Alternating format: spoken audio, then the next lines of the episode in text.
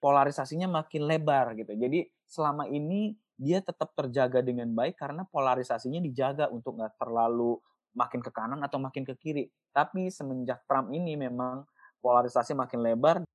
Jadi swing state adalah tempat di mana pemilu sesungguhnya berlangsung dalam pengertian kampanye pengerahan massa dan seterusnya. Bibi, bibi, bibi, bibi,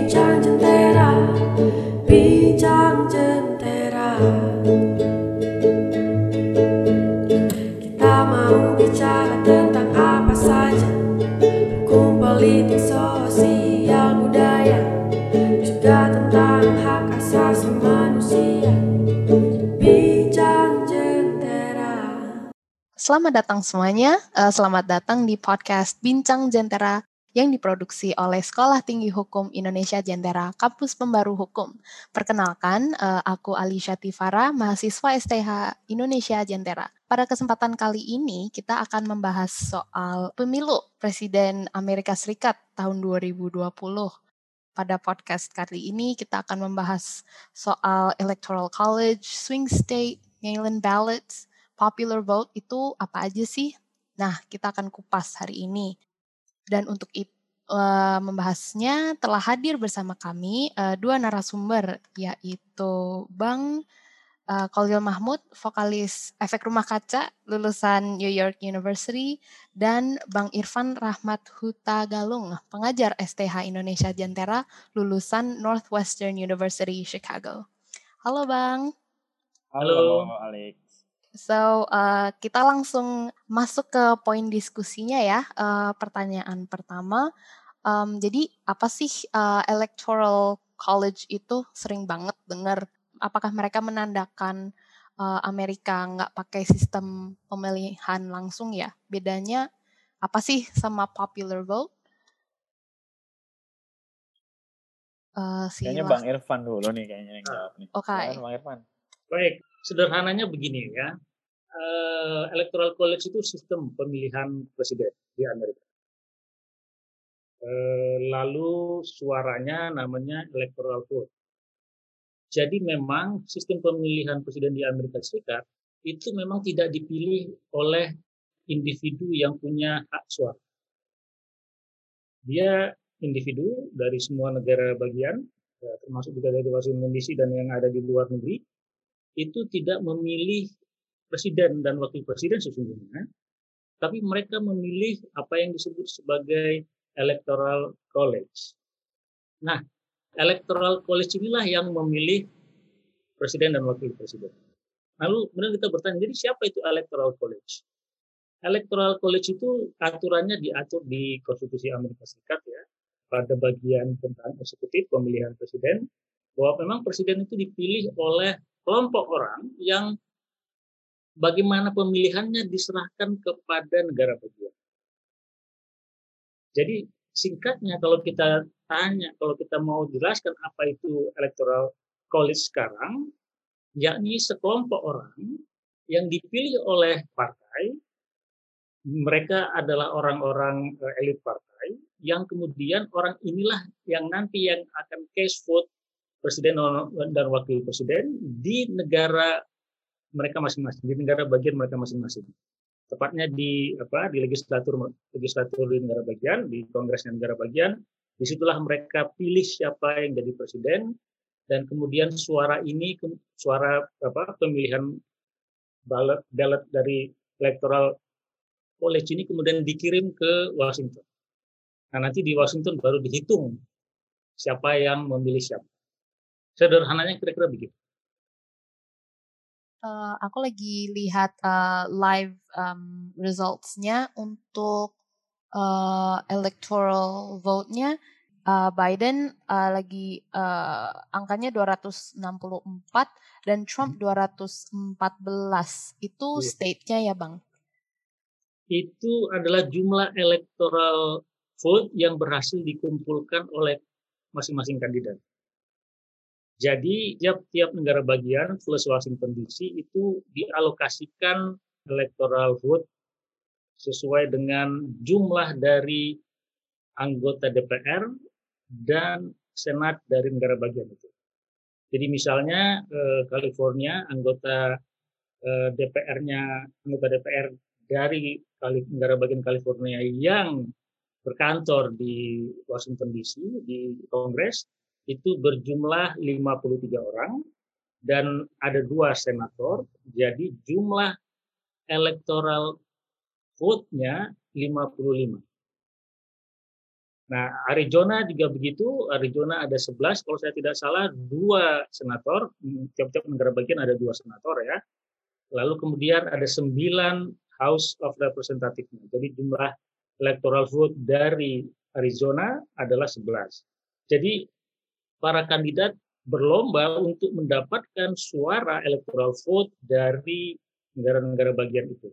Lalu bagaimana caranya agar misalnya Biden uh, dapat 55 dari California, apa Biden harus memenangi popular vote dari negara bagian itu.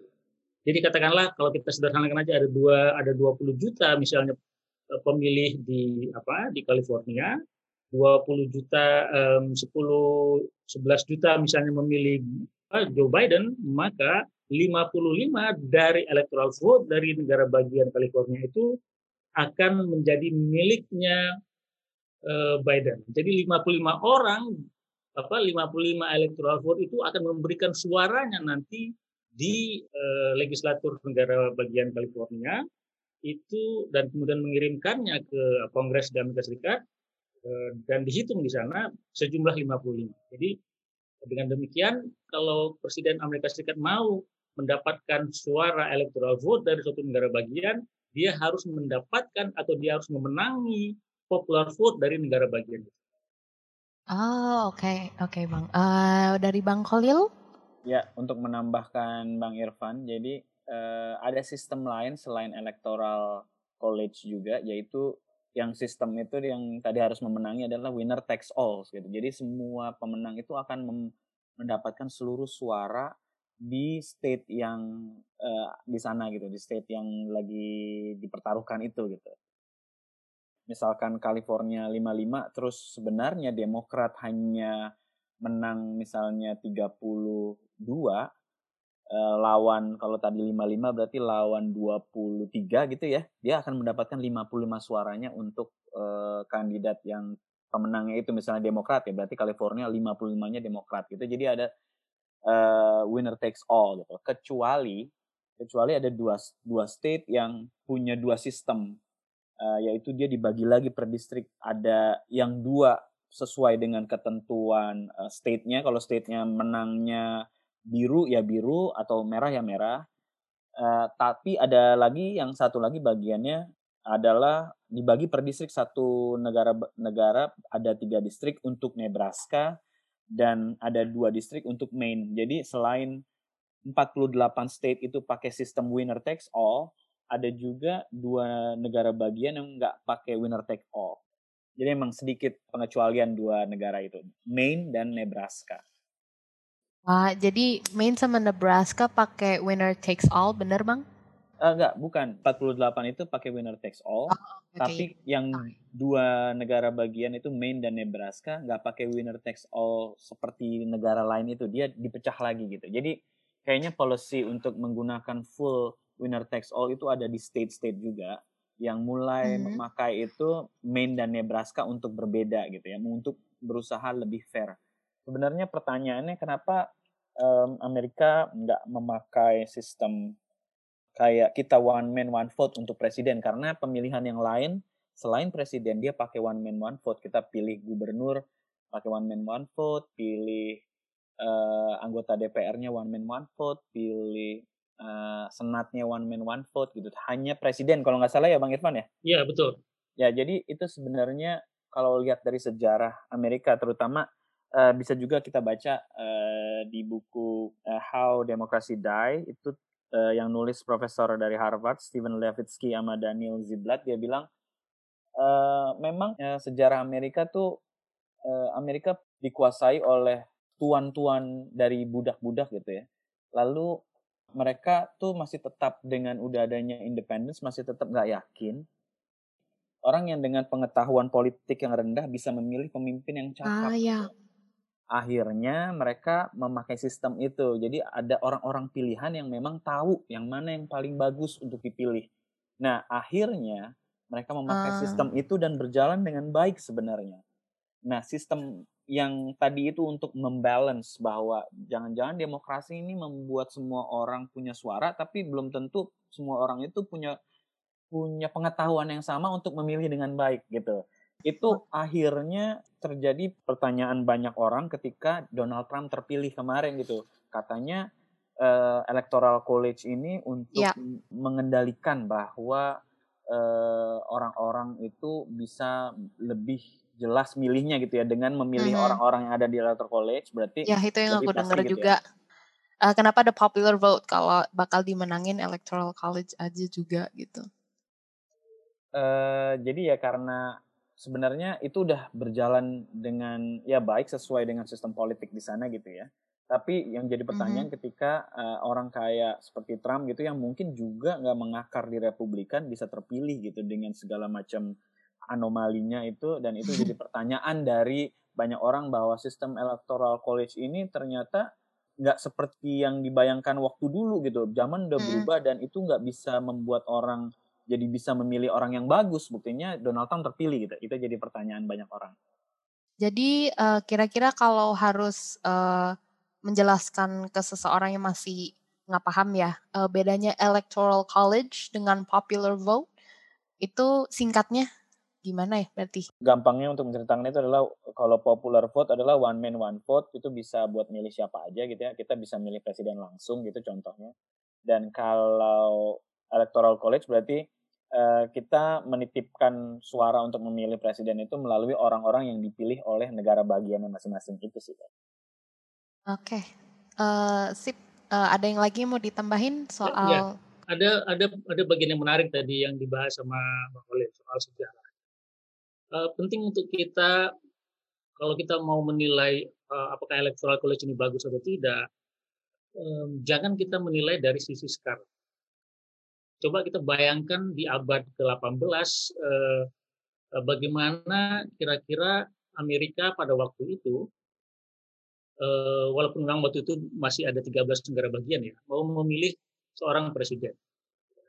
Bagaimana orang di apa orang di Virginia misalnya bisa dikenali oleh orang dari Massachusetts eh, atau orang dari Rhode Island bisa dikenali di Tennessee beberapa negara bagian 13 negara bagian awal. Jadi agak sulit memang membayangkan bagaimana seorang presiden Amerika Serikat dari eh, dengan 13 negara bagian itu bisa dikenal oleh seluruh rakyat dari 13 negara bagian itu. Jadi agak sulit mensosialisasikan dalam abad itu seorang presiden sehingga eh, agar rakyat bisa memilih dia dengan dengan baik. Benar bahwa dia cukup well informed dengan presiden yang dia pilih. Beda kan dengan yang sekarang. Kalau sekarang kita bisa eh, sebarkan eh, gambar orang ke seluruh dunia dengan satu klik aja. Nah dulu itu kan nggak mungkin.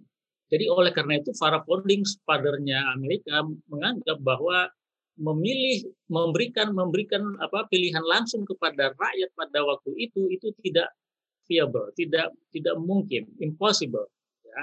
Jadi lebih bagus dipilihkan oleh orang lain yang namanya kemudian kita kenal sebagai electoral college tadi. Jadi penting untuk melihat konteks kapan dia dibuat.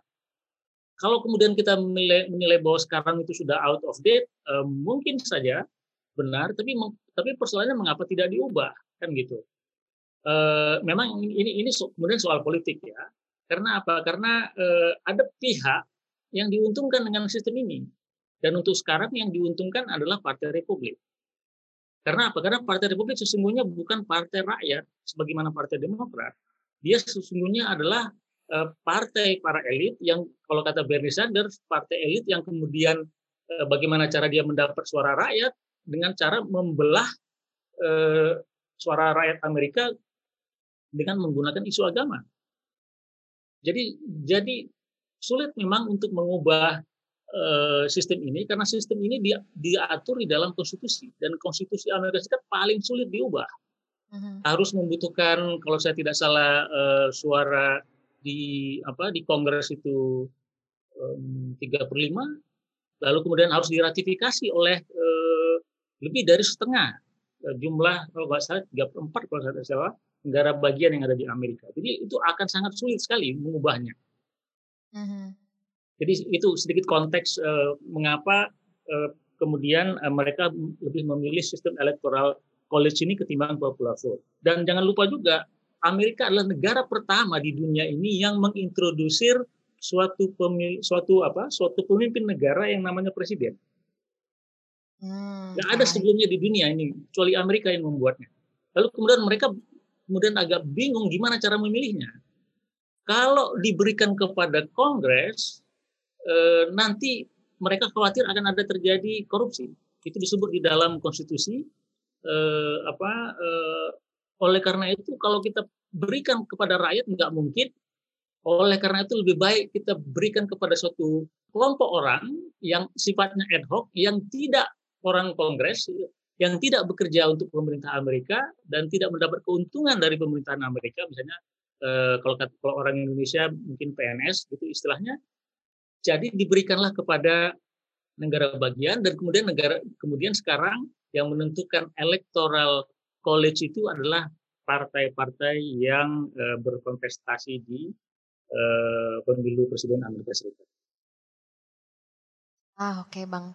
Um, um, yang aku mau tanyain selanjutnya kan uh, proyeksi uh, live resultsnya sekarang uh, Biden 264 uh, electoral votes, uh, Trump 214 uh, dan uh, butuh 270 untuk menang dan kayaknya sih kelihatannya uh, Biden cuma butuh uh, enam lagi kan untuk menang. Kira-kira kalau Biden menang di electoral votes, uh, bagaimana itu akan uh, impact election as a whole? Ya, uh, jadi kan seperti yang sudah kita bahas tadi, yang memilih presiden itu sesungguhnya adalah apa namanya electoral college. Ya. Tapi walaupun demikian, uh, kita bisa katakan begitu begitu popular vote berhasil memenangi misalnya Biden di California misalnya atau di Arizona maka semua electoral college yang ada di alokasian di negara bagian itu kemudian akan memilih presiden yang dia eh, maui karena dia dipilih oleh partai maka tentu dia akan pilih dari yang dicalonkan partai dia, dinominasikan oleh partai dia. Jadi 55 eh, suara dari California akan memilih eh, Joe Biden kalau popular vote dimenangi oleh eh, Joe Biden di negara bagian itu. Kalau California dimenangi oleh Trump popular vote-nya, maka 55 popular vote akan memilih popular vote itu dipilih partai partai masing-masing ya.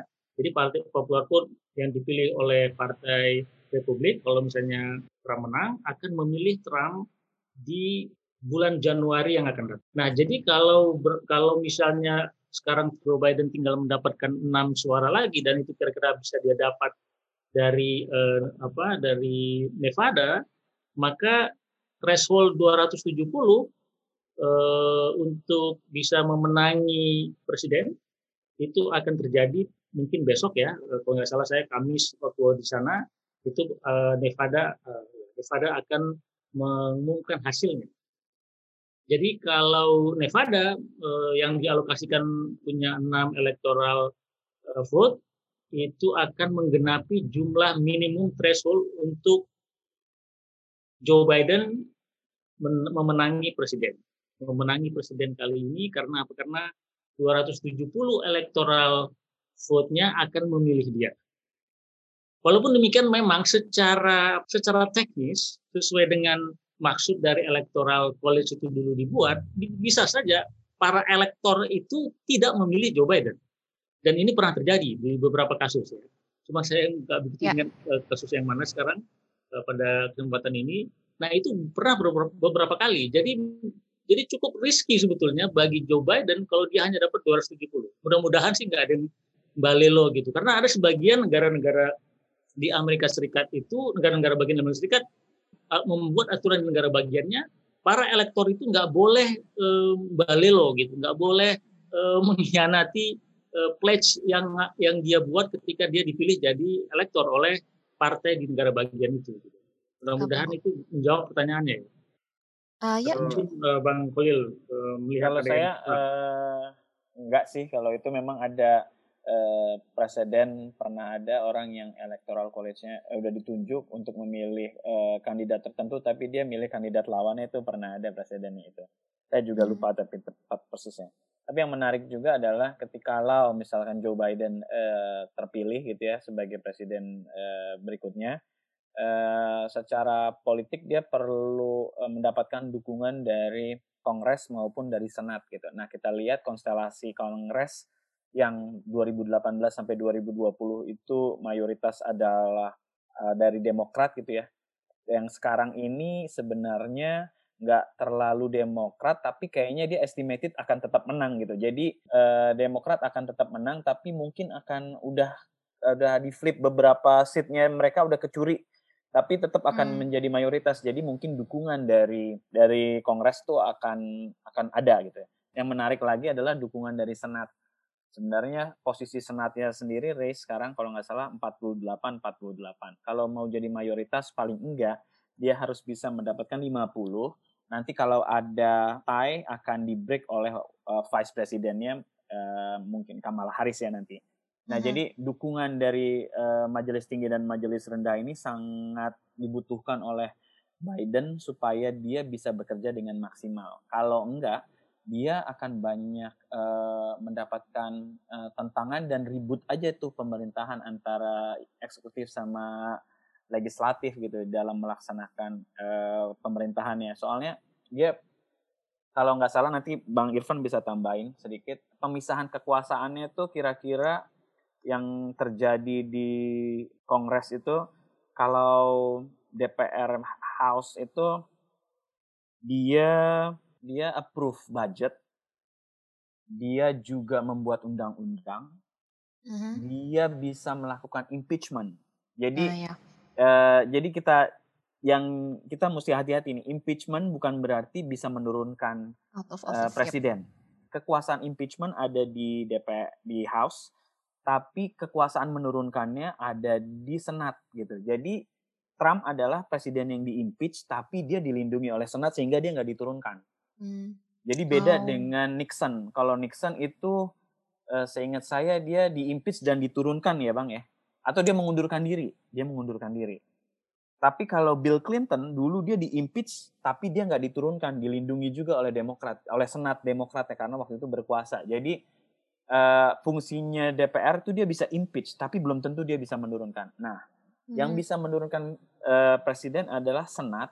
Dia juga bisa mengapprove undang-undang. Jadi undang-undang yang sangat progresif yang udah dibuat dari tahun 2018 oleh uh, mayoritas dari Demokrat itu nggak ada yang gol karena Senatnya adalah hmm. uh, mayoritasnya dari Republikan dan mereka nggak oh, setuju iya. dengan karakter undang-undang yang dibuat oleh uh, Demokrat gitu. Jadi mangkrak banyak banget undang-undang. Nah, Senat hmm. juga punya fungsi untuk mengangkat hakim agung. Hakim agung dan hakim-hakim lainnya itu selalu diangkat oleh Senat. Jadi mereka berpacu dengan waktu sebelum Trump turun setiap saat sebisa mungkin dia mengangkat hakim-hakim yang punya visi sama dengan kebijakannya Republikan yaitu mungkin konservatif, religius, bisa Eh, nilai-nilai uh, misalnya ya apa uh, anti aborsi dan uh, anti yeah. uh, uh, apa namanya anti gun control segala macam itu bisa naik ke ke pengadilan supaya nanti ketika bersengketa mereka punya power gitu dan terbukti sekarang hakim di Mahkamah Agung yang konservatif itu ada enam yang liberal itu ada tiga jadi uh, ketika Eh, pilar-pilar kekuasaannya ini nggak banyak mendukung Biden nanti dia akan repot juga jadi sangat menarik juga jika race di bidang di sisi Kongres dan Senat ini juga diperhatikan gitu untuk supaya Biden bisa bekerja dengan lancar kalau dia menang gitu ya. Mm-hmm. Ah oke, okay. um, kita uh, ke pertanyaan poin diskusi berikutnya mengenai swing state. Jadi uh, swing state itu apa ya bang? Uh, Mungkin Bang Kolil bisa duluan kali ini. Oke. Okay. uh, swing state itu kenapa jadi penting banget? Karena itu tadi, karena electoral college dan karena winner takes all. Jadi kenapa dia uh, karena kalau udah winner takes all kita bisa lihat karakter state-nya. State-nya ini karakternya liberal, orang-orangnya biasanya kalau liberal itu kotanya itu multicultural. Seperti California itu kan orang dari berbagai penjuru dunia tinggal di sana jadi secara kebudayaan mereka lebih multi pandangan-pandangannya lebih lebih terbuka sehingga mereka lebih liberal dan akhirnya karakternya itu karakter liberal gitu ya si state-nya. Begitu juga dengan New York gitu. New York yang banyak orang ke sana itu karakter state-nya juga lebih liberal. Tapi kalau yang di tengah-tengah yang mungkin pendatangnya nggak terlalu banyak itu karakternya itu lebih konservatif dan Amerika adalah negara yang religius gitu. Jadi konservatifnya itu dengan nilai-nilai Kristiani ya. Jadi hmm. ya, nah itu dari situ kalau negara-negara yang udah jelas banget penduduknya itu berwatak liberal atau berwatak hmm. konservatif, hmm. maka yeah. itu sudah bisa dikatakan sulit orang bisa membalik keadaan gitu. Jadi di Kentucky gitu walaupun uh, udah ngejor-joran uang kampanye banyak ya sulit banget untuk mengubah jadi demokrat gitu ya. Walaupun nggak mungkin bukan nggak mungkin gitu tapi sulit. Di California mm -hmm. uh, juga lah ya. Sekarang California itu uh, sangat tinggi uh, demokratnya gitu. Nah hmm. itu sulit. Jadi daripada kita mengerjakan hal yang sulit mereka beralih ke wilayah-wilayah yang masih memungkinkan untuk swing. Kenapa uh, juga penting ke sana karena winner takes all. Jadi ketika kita bisa menang hmm. 15 14 aja, kita bisa dapat misalnya gini kalau kalau Florida yang banyak diincar orang karena dia termasuk swing state dan termasuk Philadelphia juga, eh Pennsylvania. Tapi kalau Florida yang kemarin udah dimenangkan oleh Trump, dia swing state dan punya uh, electoral college-nya 29 gitu. Jika Trump cuma menang tipis aja 15, mereka bisa dapat angka 29 gitu. Padahal sebenarnya kenyataannya 14-nya mungkin mendukung Biden gitu ya. Tapi karena Trump 15 menang dan menang selisih sedikit aja, itu dia bisa mendapatkan keseluruhan 29. Jadi banyak banget yang dia dapat karena winner takes all itu. Akibatnya orang fokus ke swing state. Kalau yang udah pasti-pasti negara, udah pasti blue state atau red state itu kita nggak usah terlalu fokus ke sana karena memang udah udah hidup hmm. dengan sendirinya. Partai-partai itu udah mengakar di sana. Tapi kalau hmm. yang swing state itu yang paling penting untuk difokuskan dan terbukti di 2016 Trump punya strategi seperti itu dan menang di beberapa swing state itu. Uh, Bang Irfan? Ya, jadi, jadi pemilu di Amerika Serikat itu sebetulnya berlangsung di swing state itu. Jadi jangan harapkan Trump akan kampanye di California karena nggak bakalan dia bisa menangin itu suara dari popular vote dari California. Jadi dia akan ah. berkampanye fokus kepada daerah atau negara bagian yang akan cliff uh, kalau misalnya uh, kemarin Trump dapat uh, Michigan dulu dulu sebelumnya masa pemilu Presiden Obama dua kali Michigan itu uh, jatuh ke tangan Demokrat, tapi suaranya tipis ke Demokrat misalnya, nah maka orang dari Partai Republik, Presiden dari Partai Republik akan gencar berkampanye di sana karena bisa jadi ini bisa kita dapatkan. Uh, apa ini apa negara bagian ini. Dan karena seperti yang dibilang uh, Bang Hul tadi the winner takes all selisih suara sedikit pun itu akan mendapatkan semua electoral college atau electoral vote dari negara bagian itu. Jadi uh, swing state lah tempat di mana kampanye dan jor-joran penggelontoran duit kampanye di apa di media dan di TV berlangsung.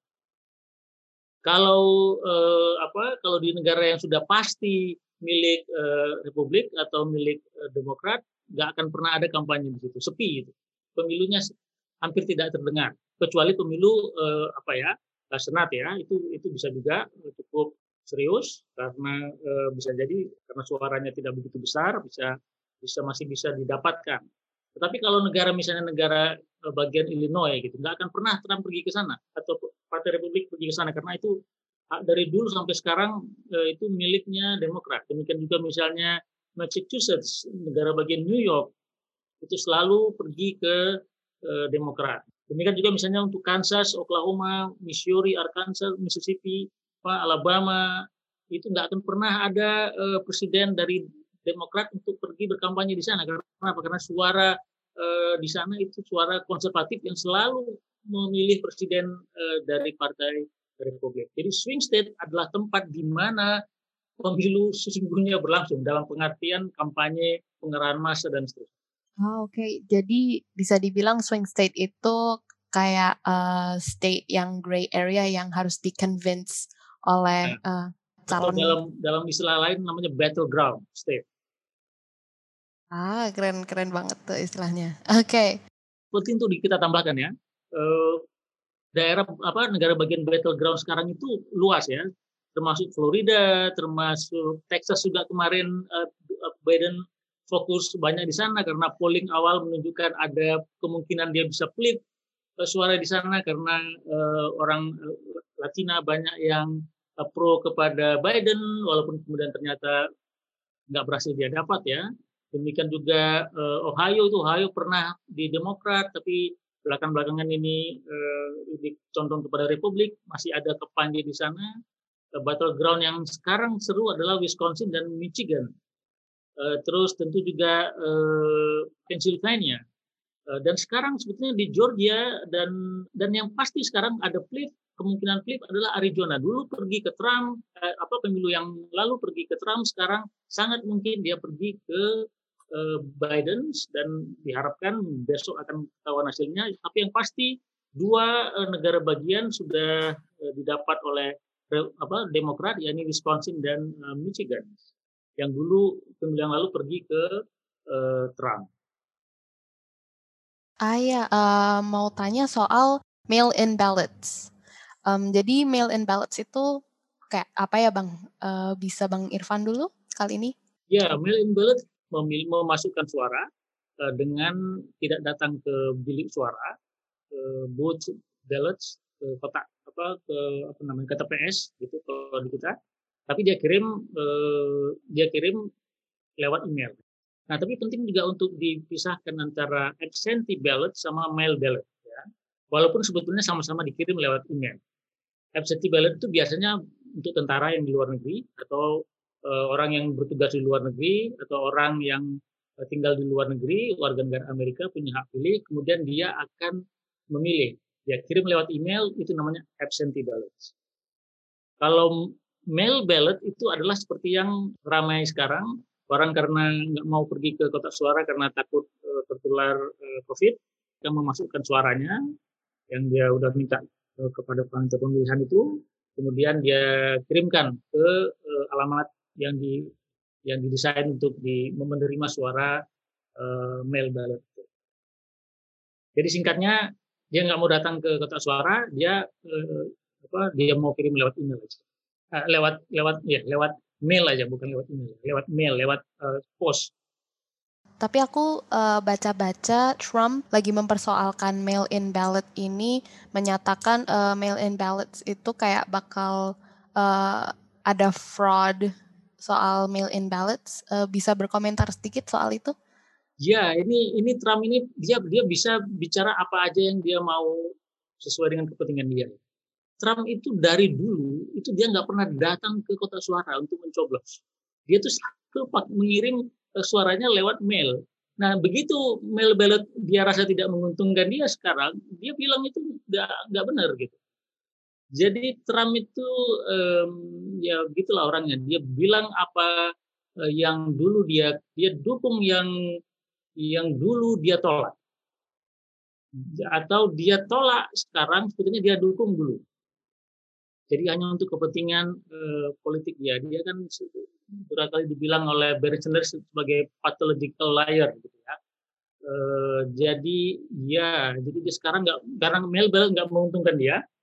Mengapa tidak menguntungkan? Karena diketahui banyak register Demokrat, uh, pemilih dari Demokrat yang menggunakan mail eh, apa mengirimkan suaranya karena nggak mau datang ke kotak suara karena eh, apa karena covid ya desak-desakan dia nggak mau.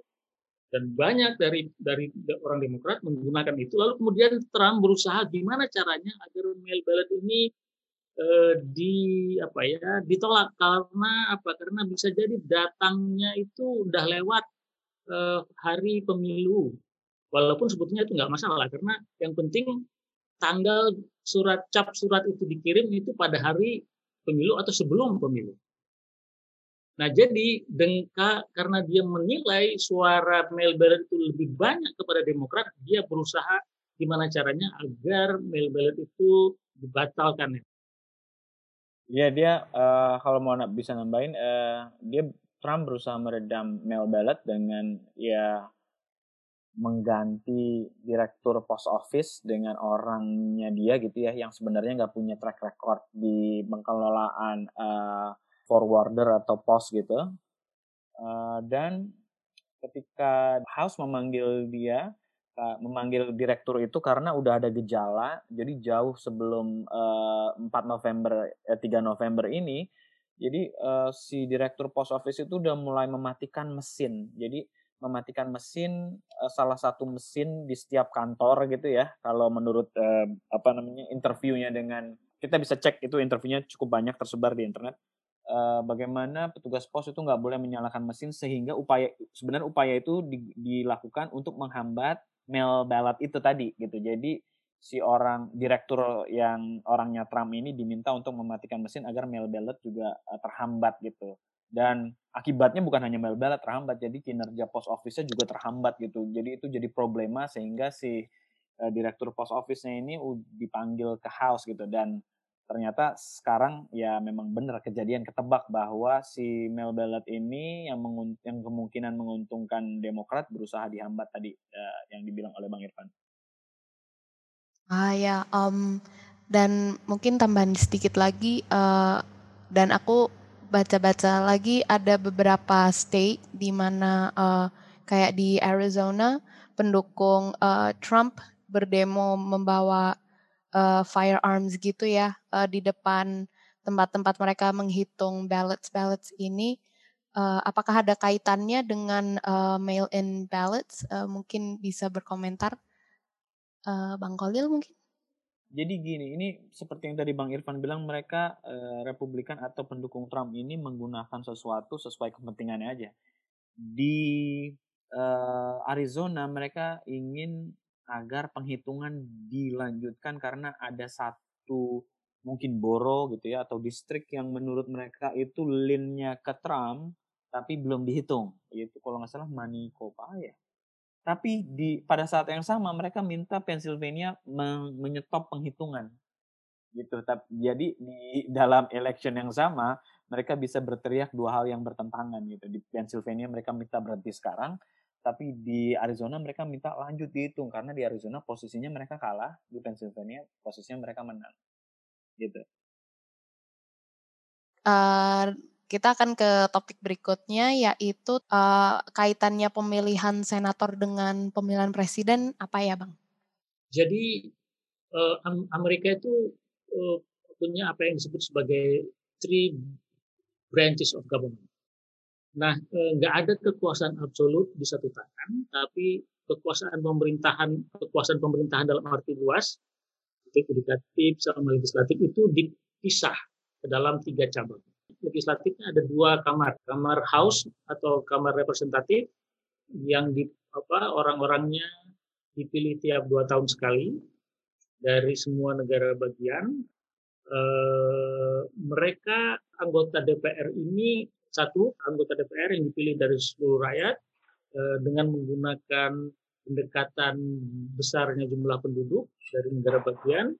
Lalu ada yang namanya eh, senat, orangnya namanya senator legislatur ini, legislatif ini punya kewenangan untuk membuat undang-undang di mana undang-undang itu harus mendapat persetujuan dari dua chamber ini, dua kamar ini, kamar House dan kamar Senat. Kedua chamber ini namanya Kongres ya. Ketika Kongres buat undang-undang, presiden dapat memveto. Lalu kemudian veto itu artinya menolak. Kemudian tapi veto ini bisa di overrule oleh Kongres dengan suara dua per tiga.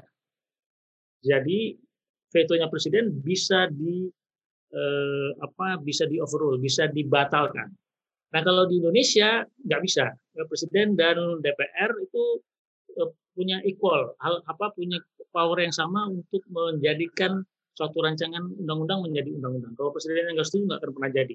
Tapi kalau di Amerika Serikat kekuasaan legislatif itu lebih pembuatan undang-undang ada lebih kuat pada Kongres ketimbang pada presiden. Nah, kemudian hubungan yang lain antara Senat dan apa dengan presiden di mana banyak pejabat-pejabat tinggi pemerintah federal itu hanya bisa menjabat, hanya bisa dilantik ketika eh, senat juga setuju. Ya, misalnya seperti eh, hakim federal Amerika Serikat, baik di hakim Mahkamah Agung maupun eh, hakim federal di eh, sirkuit di apa di negara-negara eh, bagian itu harus mendapat dinominasikan oleh presiden, harus mendapat persetujuan dari Senat. Demikian juga kalau presiden membuat perjanjian internasional eh, dengan negara lain eh, yang perjanjian yang pentingnya, Senat harus setuju. Kalau Senatnya nggak setuju, nggak, nggak, jadi. Eh, jadi eh, apa Senat itu adalah checks and balance-nya presiden dan juga di dalam Kongres ada checks and balance juga antara House, anggota DPR, Chambers uh, atau Majelis Rendah, kita bisa bilang gitu, dengan Senat. Jadi mereka harus setuju untuk menggolongkan suatu undang-undang, Kongres harus setuju, tapi eh, Presiden bisa menolak, lalu dengan memveto, lalu eh, Kongres bisa mengoverrule-nya, bisa membatalkannya. Jadi eh, dalam hubungannya dengan kesuksesan pemerintahan si presiden, dia harus dapat dukungan dari Kongres juga. Otherwise dia uh, akan kesulitan.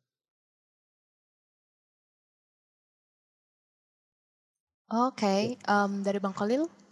Ya, kalau senat itu tadi ya fungsi-fungsi dan pekerjaannya udah diberitahu sama Bang Irfan tadi.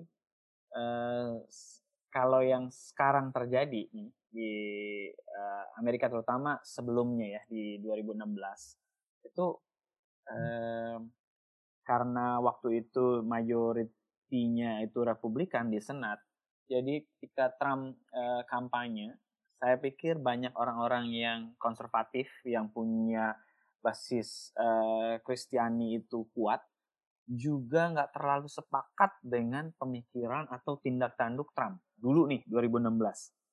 Tapi Trump bisa menjanjikan dia akan apa membawa hakim yang punya ciri konservatif konservatif ke berbagai pengadilan dan mahkamah agung. Dia menjanjikan itu.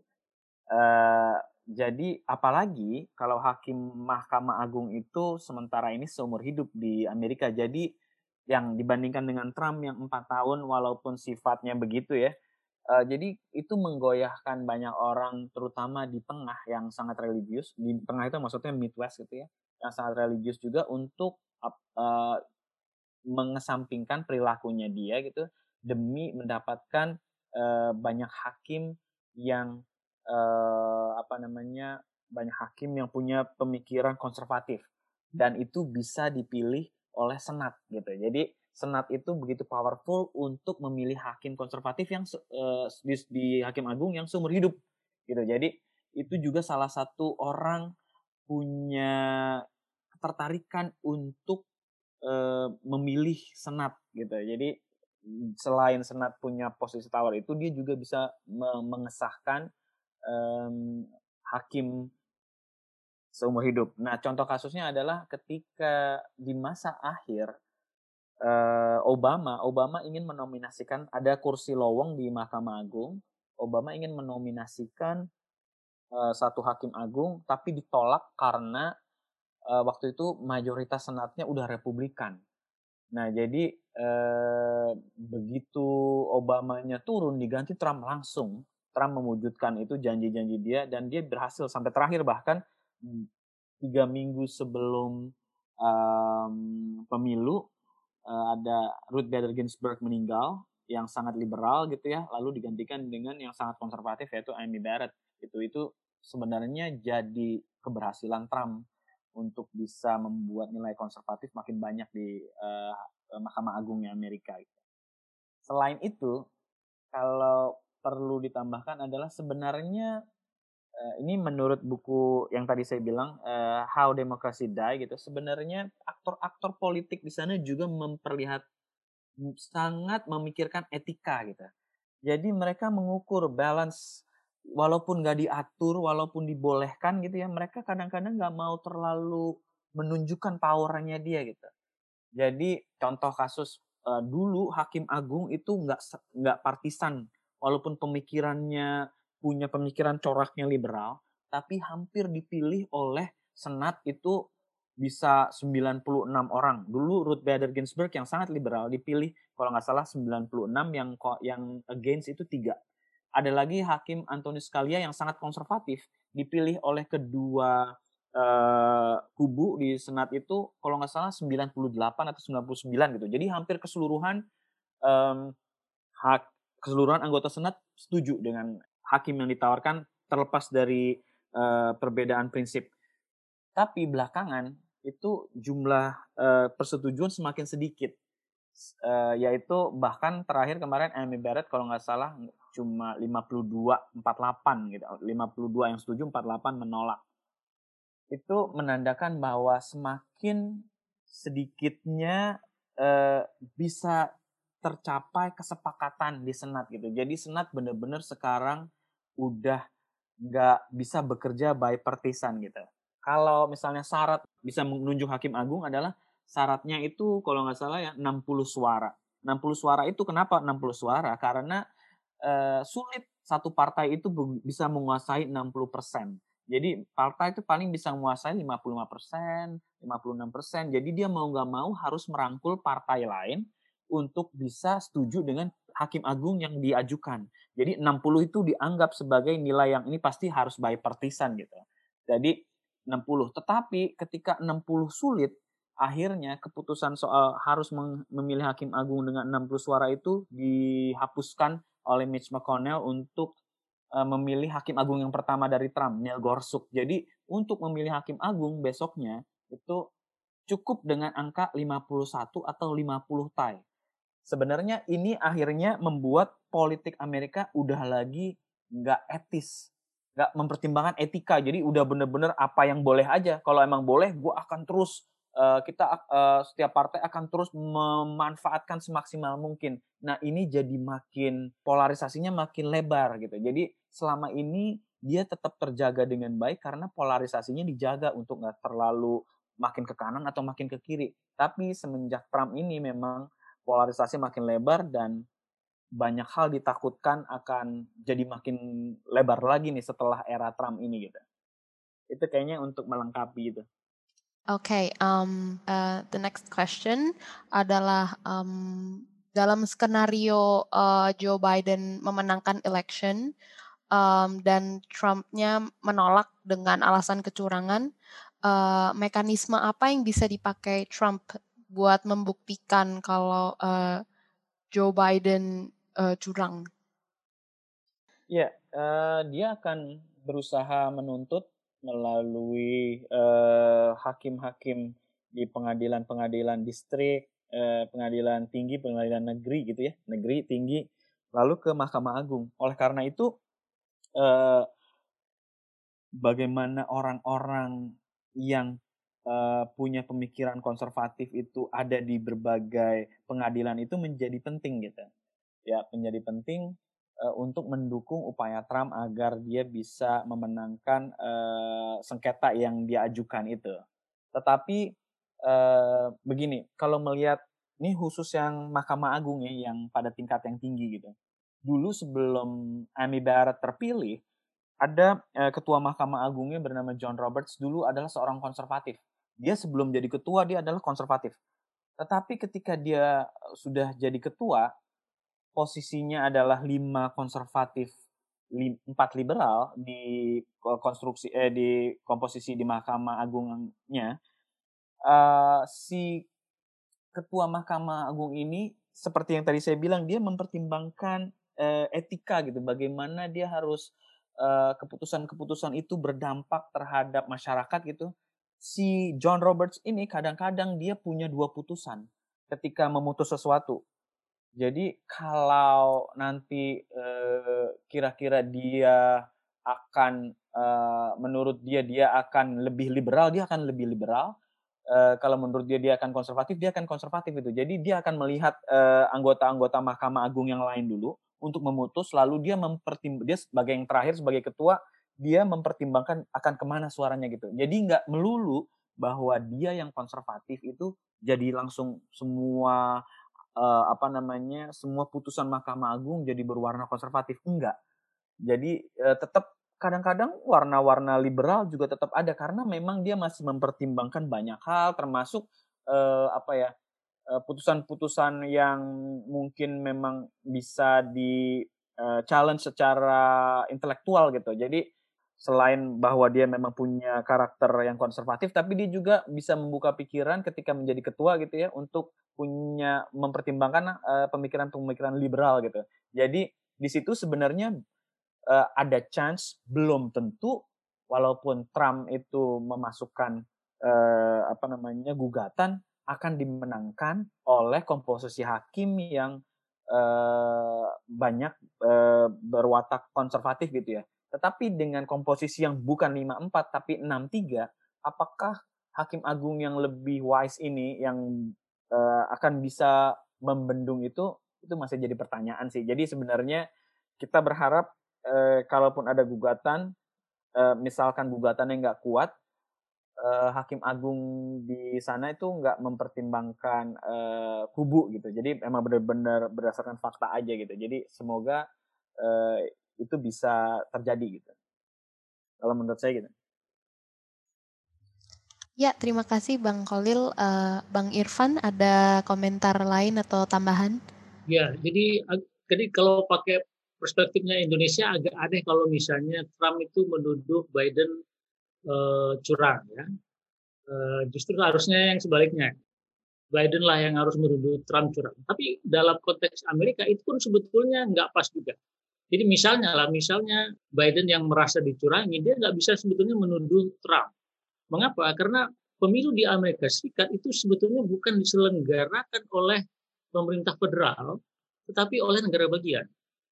Tentu ada beberapa ketentuan yang dibuat oleh negara oleh pemerintah federal, tapi eksekusinya dan beberapa ketentuan-ketentuan teknis itu sepenuhnya ada di negara bagian.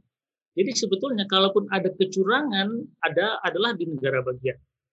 Eh, dan memang kalau negara bagiannya eh, dikuasai oleh Republik, maka eh, Demokrat mungkin saja bisa was-was ya, apalagi kalau suaranya itu sangat tipis. Jadi sebetulnya kekhawatiran akan curang itu tidak bisa diletakkan kepada kandidat karena apa? Karena apalagi kepada Joe Biden karena apa? Karena dia tidak menyelenggarakan pemilu. Pemilu itu diselenggarakan oleh negara bagian pada umumnya ya. Sebagian besar e, ketentuan dan teknis pelaksanaan itu ada di negara bagian. Jadi bukan di pemerintah federal. Apalagi di Amerika Serikat itu nggak ada KPU. Jadi yang paling mungkin bisa dituduh curang adalah negara bagian. Dan kalau curang bagaimana? Ya ke pengadilan. Oke, okay, um, itu tadi uh, poin diskusi terakhir uh, kita. Um, apakah ada komentar tambahan overall uh, sebelum kita mengakhiri uh, podcast uh, pada hari ini? Kalau dari saya, saya mau saya mau men-summary agenda pemilu Presiden Amerika Serikat sekarang ya tahun 2020 ini ya. Ini saya summary dari apa namanya National Conference of State Legislature. Uh, jadi uh, Electoral College itu uh, punya agenda ya. Pemilihan presiden Amerika punya punya agenda. Uh, jadi diawali pada uh, musim gugur dan uh, summer musim panas tahun 2020 itu dimulailah nominasi elektoral. Jadi para partai-partai eh, Demokrat, eh, Republik dan juga jangan lupa ya pemilu yang barusan berlangsung ini diikuti juga oleh partai Green dan partai jadi ada ada empat ya dan, dan beberapa di beberapa negara bagian Kanye West juga ikut ya walaupun nggak semua. Jadi nggak hanya Trump dan Biden. Nah pada kemarin ya eh, tanggal 3 November eh, hari pemilu hari pencoblosan dan sebelumnya ada uh, early voting juga dimungkinkan lewat uh, datang sendiri uh, ke kotak suara atau lewat uh, mail ballot.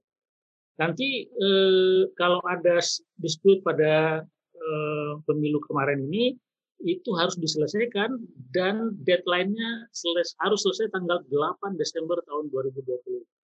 Selesai nggak selesai harus selesai di tanggal 8 Desember. Karena apa? Karena di tanggal 14 Desember itu para elektor itu, para electoral college itu yang kita bilang electoral college itu orangnya ini orangnya real ya, bukan bukan bukan nggak nyata ini orangnya, orangnya ada tadi dicalonkan oleh partai-partai. Mereka bertemu di di negara bagian, di legislatur negara bagian, eh, di kantor DPRD negara bagian, kalau bisa kita kantor DPRD, kalau kita di sini bisa kita bilang demikian, itu bertemu pada tanggal 14 Desember tahun 2020 ini, di situlah mereka memilih si calon presiden di masing-masing negara bagian. Ya, jadi misalnya kalau di California, eh, mereka akan pergi ke ibu kota California, ke Sacramento. Eh, di sana para elektor akan memvote siapa yang mereka pilih jadi presiden. Oke? Eh, tapi jangan lupa semua elektor itu sudah pledge untuk memilih eh, kalau dia Demokrat dia akan pilih eh, Biden Kamala Harris. Lalu eh, tanggal 23 Desember, dua hari sebelum Natal, suara eh, apa, apa hasil pemilu yang dilakukan oleh hasil coblosan atau hasil pemilihan yang dilakukan oleh elektor itu harus sudah sampai di Washington DC. Ya, harus sudah sampai di apa di Senat, di Kongres Amerika Serikat eh, diterima oleh ketua atau presiden Senat. Dalam hal ini adalah wakil presiden Amerika Serikat, yakni eh, Pak Pence. Ya, terus eh, tanggal 6 Januari kemudian mereka Kongres Amerika Serikat bersidang joint session antara House dan Senat tadi ketemu joint session namanya, mereka di situlah tanggal 6 Januari 2021 nanti di situlah dihitung secara resmi suara para electoral college tadi yang masuk tadi. Nah, di situlah sesungguhnya ditentukan siapa presiden Amerika Serikat, bukan hari-hari sekarang ini ya. Eh, hari-hari sekarang ini adalah call-nya para media. Dan tanggal 20 Januari eh, siang hari di situlah kemudian inaugurasi Presiden Amerika Serikat? Uh, kalau saya, apa yang akan terjadi jika Biden menang gitu, buat uh, Trump? Atau apa yang akan terjadi jika Biden menang tapi dia nggak punya dukungan dari Senat gitu, yang mungkin sekarang nih agak lebih risky dibandingkan dengan House gitu, yang mungkin akan tetap bisa di, dikuasai oleh Demokrat gitu. Itu jadi pertanyaan sih. Dari situ bisa kita duga duga-duga juga gitu kira-kira apa yang akan terjadi karena uh, sangat menarik misalnya fenomena kalau kalah Trump bilang dia akan keluar negeri gitu kan ya. Itu juga beneran akan terjadi atau enggak gitu. Karena uh, sebenarnya Trump mungkin kalau nggak ada uh, ketentuan yang mengatakan bahwa presiden nggak bisa di di penjara atau diperkarakan gitu ya. Itu uh, sebenarnya tuntutan untuk dia karena penggelapan pajak dan pendapatan segala macam itu sedang dilayangkan dan banyak gitu ya dilayangkan di New York State sendiri. Jadi uh, kejaksa jaksa agungnya New York New York State itu udah ngincar Trump gitu ya. Mungkin kalau dia kalah sehari setelah dia kalah mungkin akan turun tuh uh, apa namanya tuntutan buat Trump gitu sehingga dia bisa akan dipenjara dalam waktu yang mungkin cukup lama gitu. Uh, selain itu kalau dia kalah kekacauan apa yang bisa dia lakukan di masa lemdak. Lemdak itu masa yang sebenarnya udah ketahuan dia bukan penguasa, dia akan segera diganti gitu. Uh, kan masih panjang ya, dia akan dilantik Januari. Kalau Biden akan di, menang, Biden dilantik Januari. Jadi dari November sampai Januari ini dia bisa ngapain aja, bisa membuat kekacauan apa aja gitu. Itu sangat mungkin banget gitu. Contoh yang paling surreal, yang paling surreal tapi masih memungkinkan gitu ya.